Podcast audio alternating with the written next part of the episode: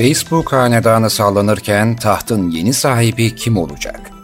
2020 yılının Temmuz ayını geride bırakırken yaşanan pek çok olayın içinde özellikle pazarlama sektörünün aklında en çok kalacak olan Facebook'un dünyanın dört bir yanındaki markalar tarafından boykot edilmesi. Binden fazla reklam verinin ve reklam profesyonelinin boykotu Facebook'taki reklam yatırımlarını durduruyorsa beraberinde önemli bir soruyu da akla getiriyor. Eğer bu akım daha da büyümeye devam edip COBİ'lerin, içerik üreticilerinin ve 2,6 milyar kullanıcının da Facebook'u boykot etmesiyle sonuçlanırsa ne olacak? Bir aydır süre gelen bu boykot sonu görülmeyen bir şekilde devam ederse pazarlamacılar bütçelerini nerede kullanacak? Sonsuz gibi görünen olasılıkların çekici dünyasına dalmadan önce Facebook'un reklam gelirinin önemini nicel bir şekilde ortaya koymak gerek. Kolektif hafızamızda soğuk tonuyla yerini alan senatör biz reklam yayınlıyoruz cümlesi 2018'de ifade verdiği araştırma komisyonunda senatörlerden birinin Facebook'un nasıl para kazandığını sorması üzerine Mark Zuckerberg'in verdiği yanıttı. Sorunun sorulduğu zaman diliminde tüm online reklam harcamalarının %63'ü Facebook ve Google üzerinden yapılıyordu. 2017'de her iki marka global reklam yatırımlarının sadece beşte birini topluyordu. 2020'nin ilk çeyrekliğinde Facebook'un reklam geliri 17,44 milyar dolara ulaşmıştı. SpaceX, Facebook'un 3 ayda edindiği bu bütçeyle 306 adet Falcon 9'u uzaya gönderebilir ya da hesabı kolaylaştırırsak, Facebook 2020'nin ilk çeyreğinde ve 2019'un son çeyreğinde elde ettiği reklam gelirinin toplamıyla SpaceX'i olduğu gibi satın alabilir. Yetmedi mi? Facebook aynı meblağıyla Slack ve WeWork şirketlerini de satın alıp modern iş yerlerini baştan yaratabilir. Profesyonel hayattan da uzaklaşalım. Facebook'un 3 ay içinde topladığı reklam gelirinin sadece üçte biri 5 milyar dolar Afrika'daki açlığı hatırı sayılır bir süre ortadan kaldırabilir. Facebook'un geliri neredeyse tamamen reklama dayanıyor. 2020'nin ilk çeyreğinde diğer olarak tanımlanan ve ürünleri portalla Oculus'un satışlarından sağlanan gelir, bütüne kıyasla dikkat çekici olmayıp 297 milyon dolarla sınırlı kalıyor. İşte şimdi boykotların sonsuza dek sürdüğünü düşünme zamanı. Bir devrim olarak nitelenebilecek bu trend sonrasında satın almacıların yapacak yeni yatırım kanalları aradığını göz önünde bulundurduğumuzda bu değişimden kim fayda sağlayacak? Google yine mi kazanıyor? Uluslararası bir medya danışmanlık şirketi olan Mike DeHaven'in pazarlama müdürü Miles Younger, bu senaryoda YouTube'un bariz bir alternatif olduğunu öne sürüyor. YouTube'un geleneksel bir sosyal medya platformu olmasa da bir topluluk olduğunu reddedemeyiz. 1,7 milyar kullanıcısıyla dünyanın en büyük dijital topluluklarından biri. Facebook, psikoloji grafiklerinde ve nüfus hedeflemelerinde bir numara. Tıpkı içerik nişleri ve size sonsuz bir içerik çukuruna iten öneri sistemiyle YouTube gibi. YouTube'un kullanımının kolay olduğunu ve hemen herkesin artık video içerik platformunun üyesi olduğunu hatırlatmakta da fayda var. Çare e-ticaret mi? Medya sektörünün önde gelen şirketlerinden Incubeta'nın ABD ve Birleşik Krallık'ta dijital pazarlamadan sorumlu müdürü Luke Jutk, reklam bütçelerinin özellikle bu dönemde e-ticarete kayacağını öngörüyor. Jutk, muhtemelen büyük markaların dijital video reklamlarına ve dolayısıyla YouTube'a yatırım yaptığını görürüz, diyor ve ekliyor. Özellikle Kobiler, Google, Shopping, Not on the High Street, Etsy ve eBay gibi platformlara yöneliyor. Her geçen gün kısa süreli videolara dönen markaların artmasıyla birlikte Kobilerin YouTube'a olan bağımlılığı da artacak. YouTube halkın taht için seçtiği varis gibi gözükse de bu resimde bir oyuncu daha var. Amazon'un reklam gelirleri genel gelir tablolarında her geçen gün üst sıralara tırmanmaya devam ederken Amazon'un hem vitrin hem medya sahibi hem de bir reklam devi olması e-ticaret liderine elbette bu alanda avantaj sağlıyor.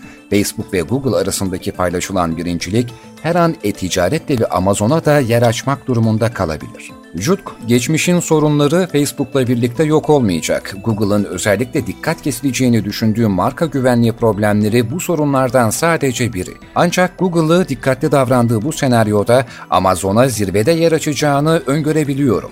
Control ve Exposit'ın Avrupa Başkanı Paul Frampton, markaların çoğunu sırtını keşif ve satın almaya yol açmak için Facebook ve Instagram'a yasladığını belirtiyor. Brampton bu markalara olan güvenini sezgileri yüksek ve performans pazarlamasında yetenekli olan D2C markalar Facebook'un olmadığı bir dünyada kolaylıkla alternatifler bulup aralarında televizyonun da bulunduğu doğrudan tüketiciye yer alan programları içselleştirecektir sözleriyle vurguluyor. Diğer sosyal medya platformlarının papucu damama atıldı. Dijital reklam gurusu John Mondi, Facebook'un sosyal rakiplerinin bu ilk alternatif olma yarışında öne çıkmak için neler yapabileceğini anlatıyor. Google ve Amazon da COBİ'lere Facebook'un tercih edilme nedeni olan doğru hedefleme çözümlerini sunabiliyor. Daha büyük markalar bir Amazon şirketi olan Twitch'i ve Facebook'a karşı sert çıkışlarda bulunmasına rağmen kullanıcı hakları ile ilgili baskı görmeye devam eden TikTok'u tercih edebilir. Ancak bu iki seçeneğin hiçbiri Facebook'un boomer kullanıcılarını harekete geçirmiyor. Üstüne üstlük Facebook'un çizdiği ve etkisini özellikle boomerların gözünde koruyan ölçümler ve ROI resmini aynı etkiyle tekrar yaratmak her teknoloji devinin harcı değil. Dijital reklam ajansı Hybrid Theory'nin CEO'su ve başkanı Patrick Johnson, marka içeriklerinin hangi görsel ve metinlerin yanında yer alacağı konusunda söz hakkı sahibi olmadığı bir sosyal medya platformundan diğerine şıp diye geçmeyeceklerini belirtiyor. Johnson, bunun yerine seçecekleri reklamlarının bulunduğu alanları ve doğru tüketicileri dikkatlice hedeflemelerine olanak tanıyacak kanallar olacak, diyor. Google artırılmış mobil sayfaları için özellikle reklam sektörünün yaratıcı ajansı Picnic'in CEO'su Matthew Goldhill, rakiplerinin Facebook'un reklam modelini yıllardır parçalayıp uygun parçalarını kendi platformlarına entegre ettiğini belirtiyor. Hem Snapchat hem de TikTok kapsayıcı kullanıcı deneyimleri, güçlü izleyici hedefleme sistemleri ve kusursuz entegre formatlarını geliştirmelerinin yanı sıra marka güvenliğinin de öncelikleri olduğunu vurguladı. Ancak elbette onlar da bu yolda yalnız değiller. Geleneksel medya reklam bütçelerine yeniden mi kavuşacak? Çerezlerin bildiğimiz haliyle hayatlarımızdan çıkmasına az kalmışken Facebook'un pazardan silinip silinmemesi fark etmeksizin yayıncıların okurlarla olan ilişkisi aranan bir ürün haline gelebilir. Goldhill, tünelin ucundaki ışığı gördüğünü iletiyor. Facebook'un nötr olduğunu diretmesine rağmen clickbait ve art niyetli yanlış bilgilerin cirit attığı platformuna kıyasla The New York Times ve The Washington Post ve The Guardian gibi haber siteleri iyi inşa edilmiş reklam deneyimlerinin yanı sıra üzerine incelikle düşünülmüş editoryal politikalara sahip. Bu haber siteleri internetin her bir köşesine bu kadar yayılmışken Facebook'a karşı hayaliye duran Davut Goliath galibiyetinin gerçekleşme olasılığı global bir marka boykotunun neden olabileceklerinden fazla değil. Ancak bunlar elbette hedef yolunda doğru adımlar. Gerçek bir değişim yaratabilecek örneklerse mevcut. Birleşik Krallık'taki büyük haber merkezleri ve yayıncıların işbirliğiyle kurulan The Ozone Project. Proje her ay tüm Birleşik Krallık'taki yetişkin nüfusun %99'una ulaştığı öne sürüyor. Teknik olarak bu oran frekansı kıyasla daha az olmasına rağmen Facebook'un başardığından daha etkili bir penetrasyonun sağlandığı anlamına geliyor. The Ozone Project'in CRO'su Craig Tuck, markaların Facebook'a başvurma nedeninin tanıdık bir ortamda etkileşimi yüksek dijital okurlara ulaşmak olduğunu belirtiyor. Peki bu modeli artık kim sunacak?